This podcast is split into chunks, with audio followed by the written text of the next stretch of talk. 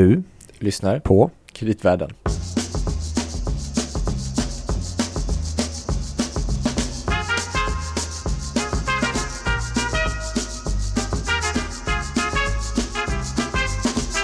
Louis Landeman, Gabriel Bergin Kreditvärlden.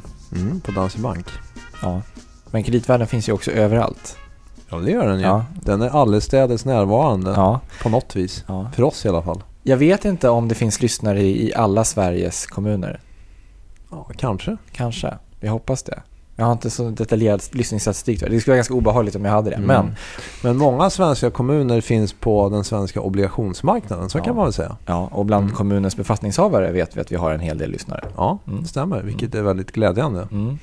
Så att eh, vi har ju pratat förut lite mer specifikt om kommuner och landsting i Sverige och Mm. deras stämmer. utmaningar Mm. och- finansiering. Mm. Vi har även pratat om krympande kommuner. Ja, det var ganska nyligen. Mm. Och glädjande nog då så har vi med en kommunexpert som vi haft med tidigare. Mm. Annika Wallenskog. Välkommen tillbaka. Mm, tack så mycket. Mm. Du är chefsekonom på SKL. Ja, Och det är, Sveriges kommuner och landsting. du är ute och reser rätt mycket runt om i landet kan man tänka. Ja, det är jag. Periodvis väldigt mycket. Sen ibland så är det vissa perioder man känner att nu får jag vara på hemmaplan lite. Ja. Du var ju med för ett par år sedan i podden. Då var precis Donald Trump vald. Avsnitt 56 för den som vill lyssna. Ja. Eh, De gamla och unga sätter press hette det avsnittet. Ja, det var en väldigt konkret titel. Mm. Ja. Håller du fast vid det uttalandet? Det kanske var vi som satte titeln i och för sig. Ja, ja, men det, det gäller fortfarande. Det är en Mm. strukturell förändring så att Ja. den ändras inte så lätt. Mm. Är Men det var ju precis ja. efter ett val Mm. eh, och nu sitter vi här efter ett annat mer närliggande val som precis har tagit slut. Precis. Mm. Är det väldigt påtagligt för er? Ja, det är Valtider. påtagligt så tillvida att vi vet inte vad det blir för regering, Nej. just nu i alla fall. Mm. Eh, vi vet därför inte vad kommunerna kommer att få, vad som kommer att ligga till kommunerna i budgetpropositionen som kommer i höst. Och dessutom är det många kommuner och regioner som inte heller har fått ihop sin majoritet. Mm. Har det skett väldigt stora förändringar på, kommun, liksom på lokal nivå i valet eller? Ja, vad man kan se det är ju att de gamla traditionella blocken har ju fått mindre röster. Så att i, väldigt, i 195 kommuner så är det inget av de traditionella blocken som har majoritet idag. Och det är nästan dubbelt så många som förra gången när det var 101 kommuner. Det är ju väl, ja, det är väldigt stor förändring faktiskt. Mm. Och då är det ofta Sverigedemokraterna som är vågmästare eller vad man ska kalla det då. Ja, även om de fick inte lika många röster i de lokala valen som de fick i statliga val. Utan det är många andra partier som är lokala partier eller i regionerna då, de, sjukvårdspartier till Just det. exempel. Mm. Har de blivit vanligare? De här, ja. De har fått mer röster Lokala. och det har blivit fler också. Mm. Ja, just det. Är det har du någon förklaring till varför det är så? Eller är, har man, Varför är skillnaden är eller varför ja, det eller är varför flera det växer som... fram den här typen Ja. av andra partier till Nej men det är klart, när man tittar i den här valundersökningen som gjordes och man, de, när man ställde frågor till de som röstade på både Sverigedemokraterna men även på de här övriga småpartierna så är det en mycket mindre andel av de som har röstat på de partierna som har förtroende för politiken. Mm. Så jag tror att det är ett sätt, en frustration hos folk där man Mm. känner att man ser inte någon positiv utveckling ifrån sitt eget perspektiv i alla fall. Ja. Och då vill man ha någonting annat. Det är lite som Trump i USA då, Ja. om vi kommer tillbaka Ja, till honom. Mm. Många som känner att de vill ha en förändring. Det. Och nästan vilken förändring som helst tycker man är bra då. Mm. Men sen så kanske det, sen är väl den, alltså den lokala och regionala politiken lite annorlunda än den nationella. Alltså det är väl andra frågor någonstans. Ja, precis. Det är ju ganska mycket mer praktiska frågor att sköta en kommun eller en region än att sköta en hel stat. Inte lika ideologiskt kan man säga så. Nej, man är ju mycket mer pragmatisk. Man har ju saker att hantera och gör man inte det så kommer invånarna och knacka på dörren till kommunalrådet. Just det. Men kommer vi se, alltså har man redan sett att det börjat formas lite nya allianser i kommunerna eller? Ja, vi ser ju det och vi såg ju efter förra valet att man hade ganska mycket valsamarbeten över blockgränserna. Och där kan vi ju se att det har funkat ganska bra. Eh, men det beror ju på att man har satt sig ner innan och diskuterat vilket upplägg ska vi ha, vad ska vi vara överens om och hur ska vi köra under nästa mandatperiod. Mm. Och ganska praktiska frågor. Och vad är det vi också ska lägga åt sidan? Eh, Och vi ser ju också att naturligtvis har ju resultatet blivit bättre om man har gjort ett ordentligt förarbete. Ja. Så även ekonomiskt, alltså de här kommunerna har klarat sig rätt bra också. Under de här, Ja, det har de gjort. Just det. Det här med att det har tagit så lång tid nu att få en ny regering på plats. Ställer det till det mycket på liksom kommun och landstingsnivå? Eller? Ja, det ställer ju till det så tillvida att det kommer att vara, ja, det kommer ju att komma, för sista dag, datum att lägga en budget för staten är ju 15 november. Men då kommer det inte att finnas med en hel del av de satsningar som, som har legat med tidigare, för då blir det ju någon typ av tjänstemannabudget där. Och då är det så, vissa saker måste det beslut till för att lägga in, medan vissa saker måste det beslut till för att ta bort. Okej. Så att lite oklart blir det vad som kommer att ligga i den. Det kan bli lite tajt med tid då för... Ja, och Kommer dessutom måste det här ekonomiska ramverket sättas till och med ett par veckor innan. Så att eh, det blir svårt för de som kommer in att hinna med. Mm. Om det är någon som hinner komma till 15 november. Hur är det sen då med, jag tänker om i stora drag, är det så att det är mycket så här struktur, står vi inför mycket strukturella problem som behöver hanteras framöver? Ja, vi ser ju nu att vi står inför strukturella problem så tillvida att vi redan idag har en arbetskraftsbrist för Mm. de som jobbar i kommuner och landsting som är Mm. ganska omfattande. Över 70 procent av kommuner och landsting säger att vi har väldigt svårt att hitta folk när vi ska rekrytera. Och vi Det ser låter ju att ganska allvarligt ju. Ja, och det här kommer att bli värre beroende på att vi har en ganska snabb ökning av barn och unga och äldre Mm. samtidigt som vi har en långsam ökning av befolkningen i arbetsför ålder. Men är det problemet lika stort överlag? Eller är det viss, alltså, vi pratade om de här krympande kommunerna tidigare. Ja, mm. Är det framförallt ett problem där eller är det också ett problem med de växande för att det tillkommer så många? Det är ju större i vissa... Gotland är till exempel en kommun då Mm. som är värst ute. Dels är ju de en ö, det är svårt att pendla till och Mm. från Gotland. Sen tappar de befolkning i arbetsför ålder. Samtidigt som de har en ökning av personer över 50 år på över Mm. 50 procent. Oj. Ja. Det är trevligt att vara pensionär på Gotland. Ja, just nu kanske. Men frågan Inte är när det inte finns någon några år. personal som kan ta hand om det. Precis. Så att, och så där, det, ser, det finns några regioner som tappar befolkning. Eh, Jämtland, Härjedalen, eh, Norrbotten, eh, Västernorrland och så vidare. Som tappar Mm. befolkning i, i arbetsför ålder.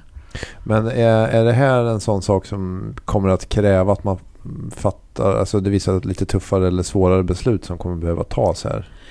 På, Ja, Från statligt håll för att kunna... ja eller samt, både och? samtidigt. Vad staten kan påverka Mm. när det gäller det, det är ju hur många som utbildar sig inom olika yrken till Ja, exempel. Lä- hur får vi flera personer att utbilda sig till sjuksköterskor, lärare, Mm. läkare och så vidare.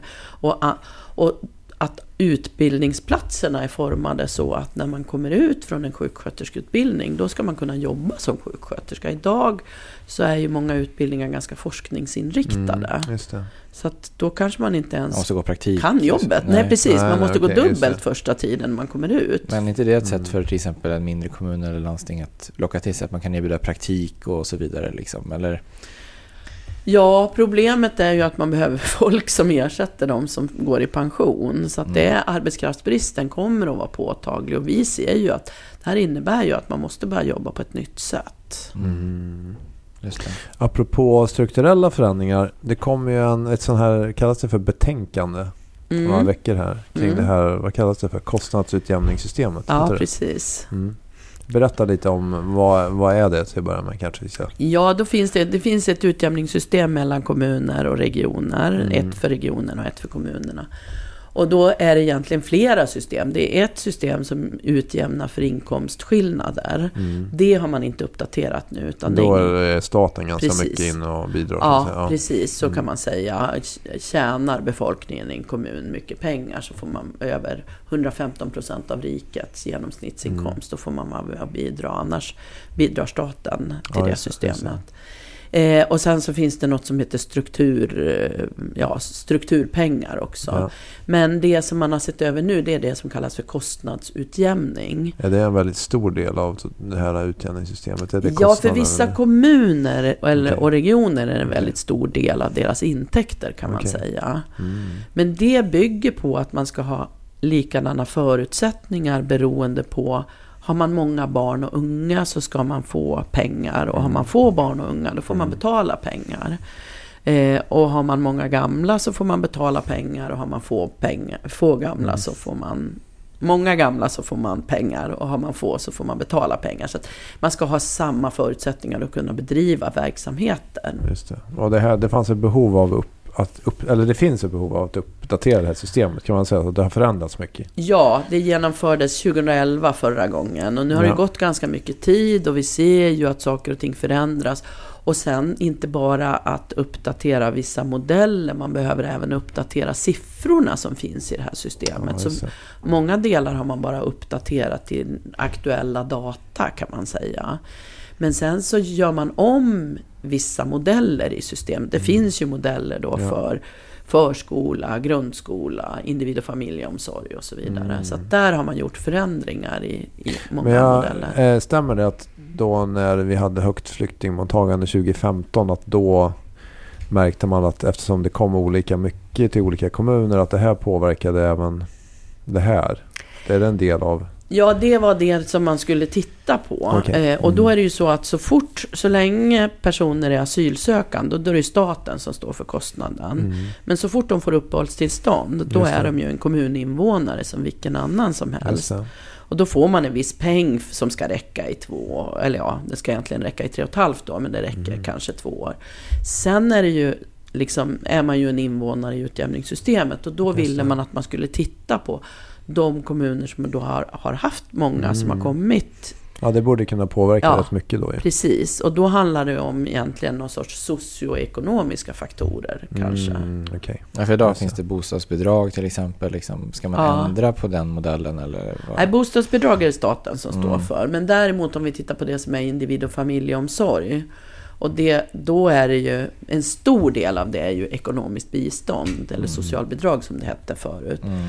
Men då kan man ju inte utjämna för att man har höga kostnader för socialbidrag, för då skulle man ju kunna påverka det själv. Så man måste hela tiden gå tillbaka och titta, vad finns det för bakomliggande faktorer Mm. som gör att man kanske borde ha höga kostnader för ekonomiskt bistånd. Och då, kanske man, då tittar man på här då, ja men har man en hög barnfattigdom i en kommun, då borde man ha höga kostnader för ekonomiskt bistånd också till exempel. Mm. Så det är en variabel.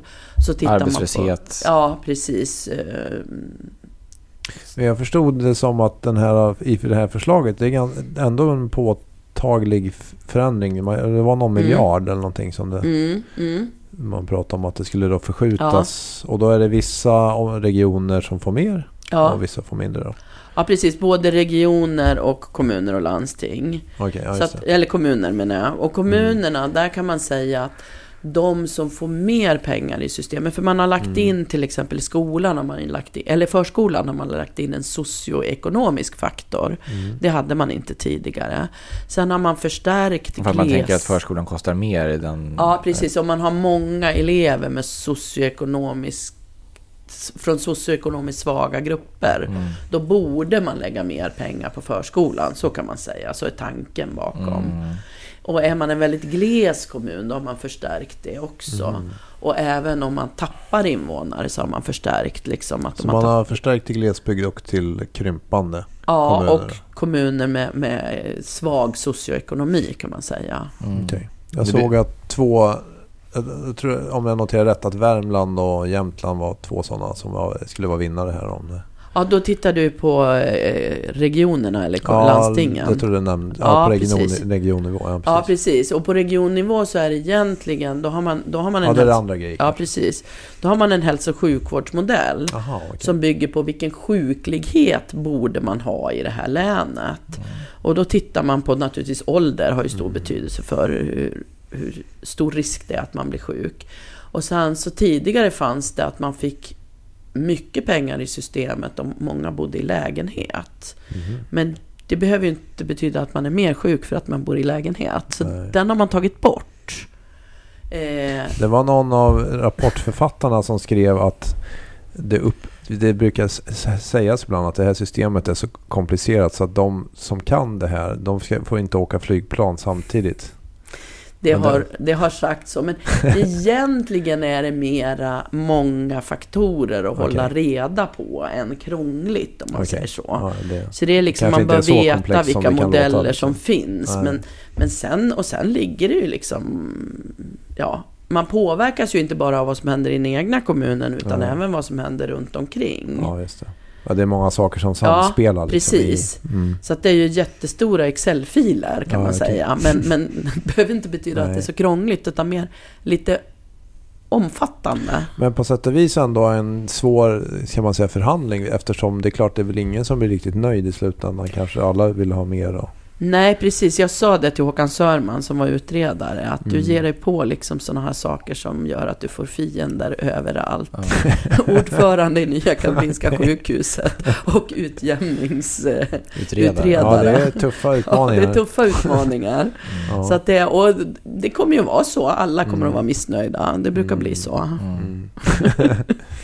Men då kommer ett sånt här betänkande och sen Mm. det här måste nu fattas beslut av en kommande regering att Mm. anta det här då eller för att det ska kunna träda i kraft. Ja, precis. Och då har han lämnat det till, till Ardalan Shekarabi som är civilminister. Men han säger att ja, men vi går inte ut med remiss nu innan det blir klart med regering. Mm. Eh, och sen får man se om det, det kanske inte ens går ut på remiss. Man vet inte vad som händer. Om man stoppar det i byrålådan. Men Ja, men då kan det tidigast 2021 kan det bli infört. Jaha, okej. Ja, just det. Så det är Mm. ett par år framåt. Ja, precis. Men är det ett generellt problem för kommun och landsting att man inte riktigt vet hur staten tänker sig om en finansiering så här på längre sikt utan att det kan vara mycket förändringar och lite svårt att planera då? Ja, och det är egentligen oavsett om vi har regeringsförändring Mm. eller inte. Mm. Alltså det, vi tycker nog att generellt sett så bör kommunerna och landstingen få mycket tidigare planeringsförutsättningar. Mm.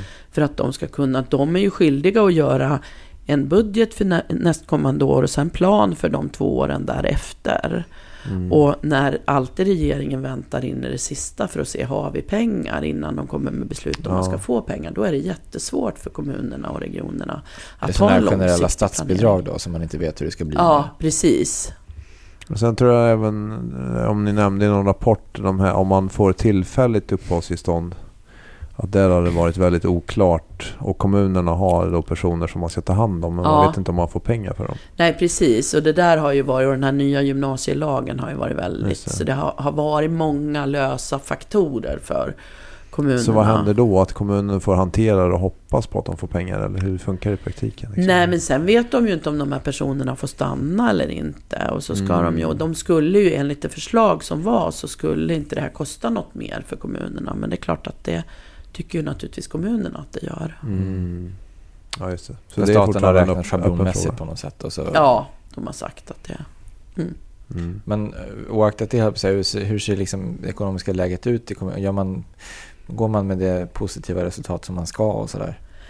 Ja, egentligen kan man ju säga att vi har ju tagit fram någon sorts tumregel för vad som är god ekonomisk Mm. hu- hushållning för hela sektorn tidigare. Och då sa vi 2 procent. Och tittar man på kommunernas resultat under Mm. 2000-talet hittills så har ju det varit mycket starkare. Det har ju legat på 3 procent ungefär. Mm. Medan regionerna och landstingens resultat, det ligger på knappt 1 Det är procent. svagare. ja. Så att det är väldigt stora skillnader emellan. Mm. Mm. Tittar man framåt så ser man ju att det är tuffare. Många kommuner som börjar, nu börjar flagga upp att nu ser det värre ut. Nu har de, har de svårare att få ihop sin ekonomi. Och det handlar naturligtvis om att man får en större andel både yngre och äldre personer. Just det. Det är ganska stor skillnad i skatteuttag också väl mellan Ja. olika. Jag tror ni nämnde var det Vellinge kontra Dorotea. Att det skiljer Mm. något sånt där 6 Ja, kronor. nästan eller 6 någonting. kronor. Jag tror det är 5,96 Mm. eller något sånt där. 5,90 någonting. Är det vissa kommuner som hamnar i någon lite negativ spiral då? Att man måste höja? Ja, alltså Eller det är väl så här. Det är svårare i en kommun. Om hela tiden kommunen krymper. Mm. så kommer man på något sätt lite steget efter. Det är svårare att hela tiden dra ner på verksamheten och bygga upp verksamhet. Bygger man upp verksamhet, Mm. då får man ju in nya skatteintäkter och så kommer Ja, det liksom en elev. Sen är det ju naturligtvis dyrt om man växer snabbt också. Man ska bygga nya skolor och förskolor och så Mm. vidare. Ja, för det är väl, eh, ni har en tabell Mm. över de stora investeringsposterna. Det är, Ja. det är skolor framförallt eller? Ja, det är skolor, det är VA-nät också. Väldigt Mm. stora investeringar. Mm. Skolor, förskolor, 650, 750 förresten förskolor. 350 skolor. Och då säger man 750 s- förskolor fram till 2021. Som ligger alltså i planerna. Mm. Och då finns det totalt 7000 förskolor. Så det är alltså Oj. 10% som ska byggas på Ja. tre år. Ja. Och skolor finns det 4000 och man ska bygga 350 skolor nu fram till 2021. Så det Då är, förstår man också att det är arbetskraftsbrist även bland Ja. förskolepersonal till exempel. ja, och inom byggsektorn. Ja. Men om man pratar då, för, apropå kreditmarknaden, för att Ja. svenska kommuner har väl drygt 500 miljarder någonting i skulder Ja. eller? Totalt har sektorn över 600 miljarder. Okej, ja. Mm. Och det här kommer ju då med de här investeringarna att öka en del till kan man tänka. Mm. Det kan man tänka. Kommuninvest som ni har haft här Mm. också. De räknade tidigare att ungefär 1000 miljarder räknade de att, att skulden skulle vara 2024. Mm. För att eh, med en förhållandevis, tror jag, ganska kort kapitalbindning och räntebindning. Om räntorna skulle gå upp en Mm. del så Mm. skulle det ju kunna påverka hela kommunens ekonomi. Ja, en absolut. hel del då. Även Ja. skatteuttag kanske skulle vara tvungna Precis. att öka. Så, eller? Tänk om du skulle ha 4 ränta Mm. på 1000 miljarder Mm. så har du För det, kan ju, det är en sån där sak som man ofta kanske glömmer bort. Att det finns en räntekänslighet även i, Precis. i det offentliga så att säga. Ja. Ja, precis. Så är det ju. Nu är det ju många som har ganska långa räntebindningstider och de saxar ju naturligtvis Mm. och sådär. Så det tar ju ett tag innan. Det kan också vara lite olika då beroende på vilken kommun man bor i. Ja, precis. Och jag menar en del har ju gjort gröna obligationer och sådana här Mm. saker. Eller certifikats eller Mm. och, och andra obligationsprogram. Så att det ser ju lite olika ut. Så att de det. stora kommer troligtvis ha en relativt god tillgång på finansiering eventuellt. Då, Ja. Men här har man bara en finansiär så att säga Ja. och räntorna stiger så Ja. kanske det blir Precis. Mm. Ja. Och sen kan man säga så här att det är klart att det är ju de som växer. Det är ju de som investerar mest också. så riktigt. Många av de här kommunerna som tappar invånare har ju inte samma investeringstakt. Men å andra sidan har vi en urbanisering även inom kommunen. Man flyttar från orter på landet in till centrum. Så kanske man måste bygga en ny skola i alla fall. Men med de här uh, demografiska förändringarna, så det är fler yngre och sen är det, blir det fler äldre Mm. som är vårdintensiva. Mm. Går, kommer i era prognoser för kommande år, går, liksom, går det ihop ekonomin totalt? Eller? Kom, Nej, det kan man säga. Det gör det ju inte. Om vi, vi har ju räknat på att man skulle höja skattesatsen med 20 öre mellan 2018 och 2019. Nu får Mm. vi väl se om det blir det med tanke på val så kanske Ja. det skjuts på framtiden.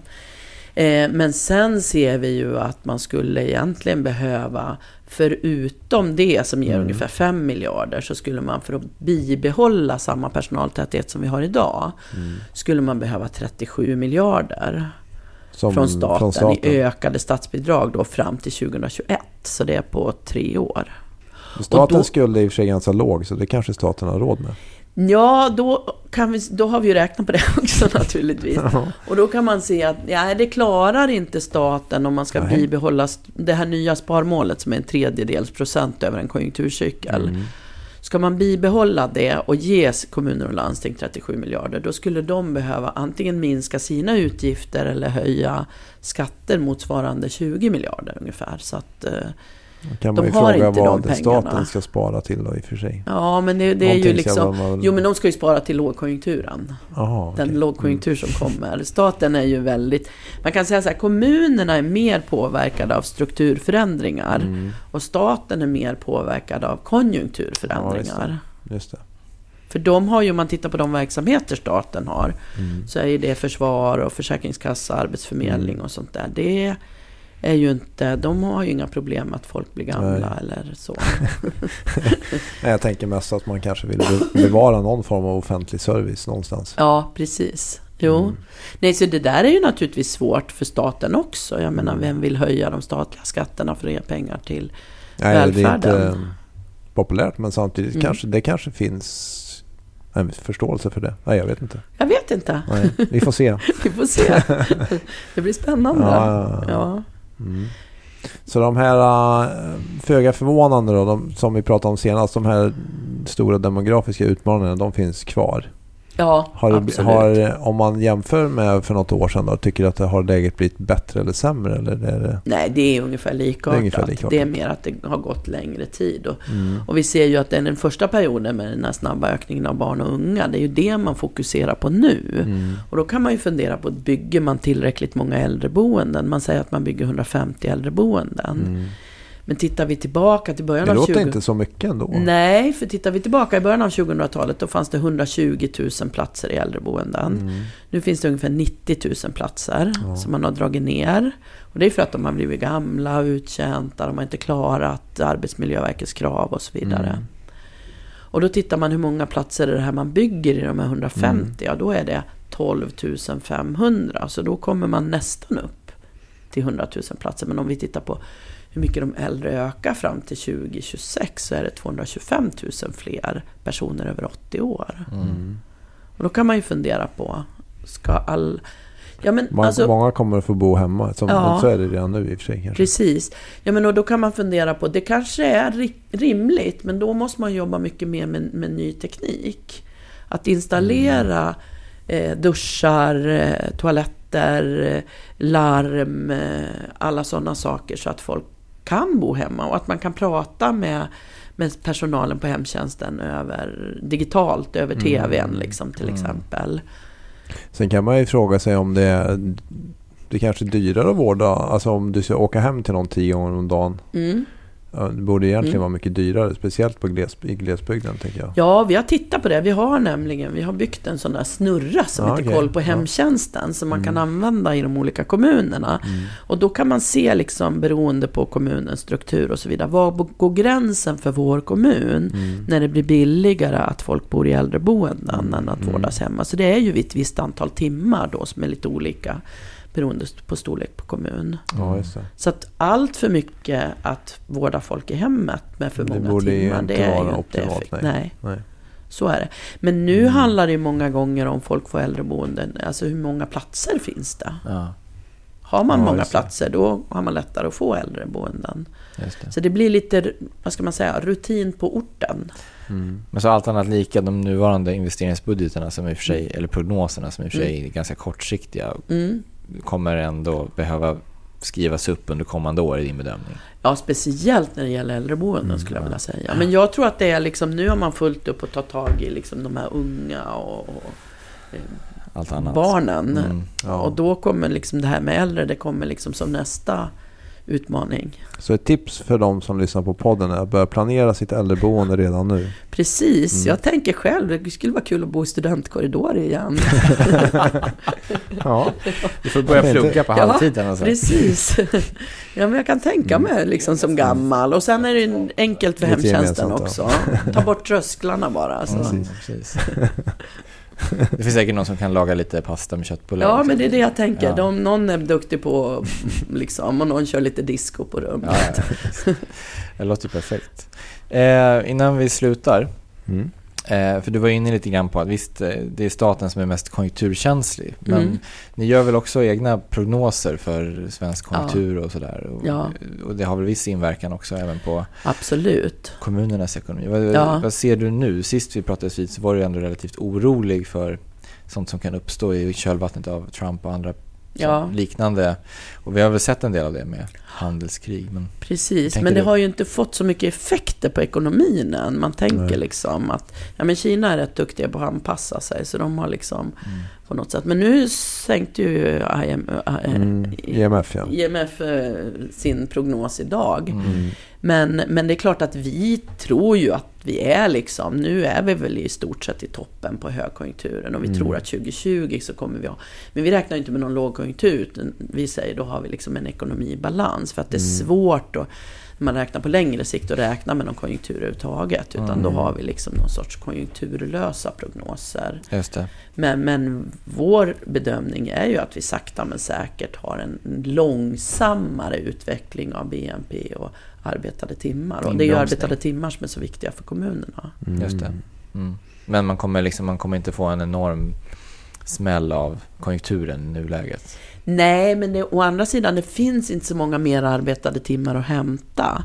Vilket innebär att vi ser ju en successiv, vi har ju haft enormt höga skatteintäktsprognoser, eller skatteintäkter.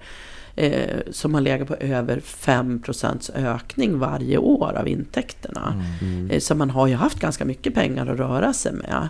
Beroende på att vi har haft liksom en successiv ökning av sysselsättningen under ganska många år. Just det. Eh, och samtidigt som vi har haft låg inflation, låga löneökningstakt. Så Mm. realt sett har vi haft snabb ökning av skatteintäkterna. Därav kanske att man har gjort så bra resultat då. Precis. Men nu ser vi ju en kombination framåt liksom av att vi kanske får en högre löneökningstakt därför att vi har liksom den här arbetskraftsbristen. Mm. Samtidigt som vi inte får så hög ökning av antalet arbetade timmar. Vilket Mm. gör att det påverkar ju också naturligtvis ganska kraftigt. Mm. Får jag ställa en, en lite relaterad fråga? Eh, vi hade ju i och för sig lovat att vi inte skulle prata fastigheter. Mm. Men sen så kommer jag att tänka på det här om att alla stora investeringar som ska ske ute i kommunerna och sådär. Är Mm. det så att eh, som man haft lite tidigare då, så här försäljning av allmännyttiga bostadsbestånd. Är det, kommer det att fortgå tror du framöver eller hur tänker ja, man? alltså som idag kommun? kan man väl säga att många av de här kommunala fastighetsbolagen bygger upp soliditet. Och det Mm. kan man ju fråga sig, varför har man ett allmännyttigt fastighetsbolag? Eh, många har också ganska stora renoveringsbehov. Mm. Så att det kan nog vara så att man kommer att fortsätta sälja i syfte att bygga fler bostäder. Mm. Få loss det. kapital helt enkelt. Ja, det. Så att det, det är ju en hel del. Och dessutom så är det ju en del kommuner som har gjort det för att få externa hyresvärdar på orten. Det är ju så, man vill ju inte bygga, om man inte finns på en ort som, som privat hyresvärd så vill man inte bygga Så bostäder. att det kan vara ett sätt att få Ja. alltså hjälp. Man, Precis. man säljer ytterligare Ja. mark till dem och så vidare. Så Precis, att få- dels får man in flera, man får in en Ja. konkurrens och dessutom så får man in pengar i det allmännyttiga bolaget för att, För bostadsbrist är väl generellt en stor fråga i många kommuner. ja i väldigt många kommuner. Samtidigt är det viktigt att se också, är det så att man har bostadsbrist för att det är många som har flyttat dit i samband med den här, att det kom många flyktingar 2015. Mm. Då såg man ju förra gången vi hade så på 90-talet Mm. att jaha, sen plötsligt då från vissa kommuner, Lessebo, Laxå och den typen av kommuner, Mm. så flyttade många därifrån och då blev man ju stående med tomma Ja. bostäder. Så det är viktigt att man har en ordentlig försiktighetskalkyl naturligtvis Mm. när man bygger. Ja, det är en stor risk på mindre ort såklart. På mindre orter, ja. Där man, Inte där stor del av ökningen. För man kan se att, att många som har kommit, de är kanske lite mer flyttbenägna än folk som Mm. har fötts Ja, och växt upp där. Och däremot på andra sidan så kanske man underskattar bostadsbristen i stora växande kommuner. Ja, men sen ser det lite olika ut. En del har ju byggt riktigt mycket, Örebro till exempel. Mm, så att det finns kommuner som har byggt mycket. Eh, Så att vi har väl det, men det finns ju liksom många som fortfarande har bostadsbrist. Men så är det balans i några kommuner också. Så är det ett fåtal som kanske har lite för många bostäder. Mm. Vad härligt Gav. Vi fick in lite fastigheter också. Hur gick det till? Nej, ja, ja, det, ja det, var- det var du, det var du Ja, ja, okej. som smög in det. Jaha, Mm. mycket tankeväckande saker även denna gång. Mm. Ja, det är det. Mm. Det är en del att bita i. Mm. Men det är ju spännande tid. Ja, det Tänk är det. liksom. Mm. Snart kommer alla, alla kommunala tjänster att kunna ske digitalt. Ja, tror du det? Jag tror att det går ganska mång, många fler än man tror faktiskt. Mm. Nu har de ju till exempel inom skolan har de en sån här, man, kan, man ska bedöma om barn har dyslexi eller inte, som kollar på ögonen hur de läser. Ah, Det tar fem minuter att göra en sån analys. Mm. Vi kanske skulle behöva prata lite AI här. Något Ja, avsnitt precis. Exakt. Mm. Lite framtidspositivism för en gångs skull. Mm. Mm. Om det är beror det på vem man är Ja, exakt. Ja. Vem, vi pratar, vem vi pratar med. Mm. Men stort tack Annika. Ja, Tack så mycket. tack. Ja. Får vi se hur det går i regeringsfrågan. Ja, Ja. eller om det kanske redan är klart när avsnittet Så kan det släpps. vara. Ja, precis. Mm. När det? Slagg, ja. Nej, men eh, vi hörs igen alla lyssnare. Det gör vi. Mm. Hej hej. Hej.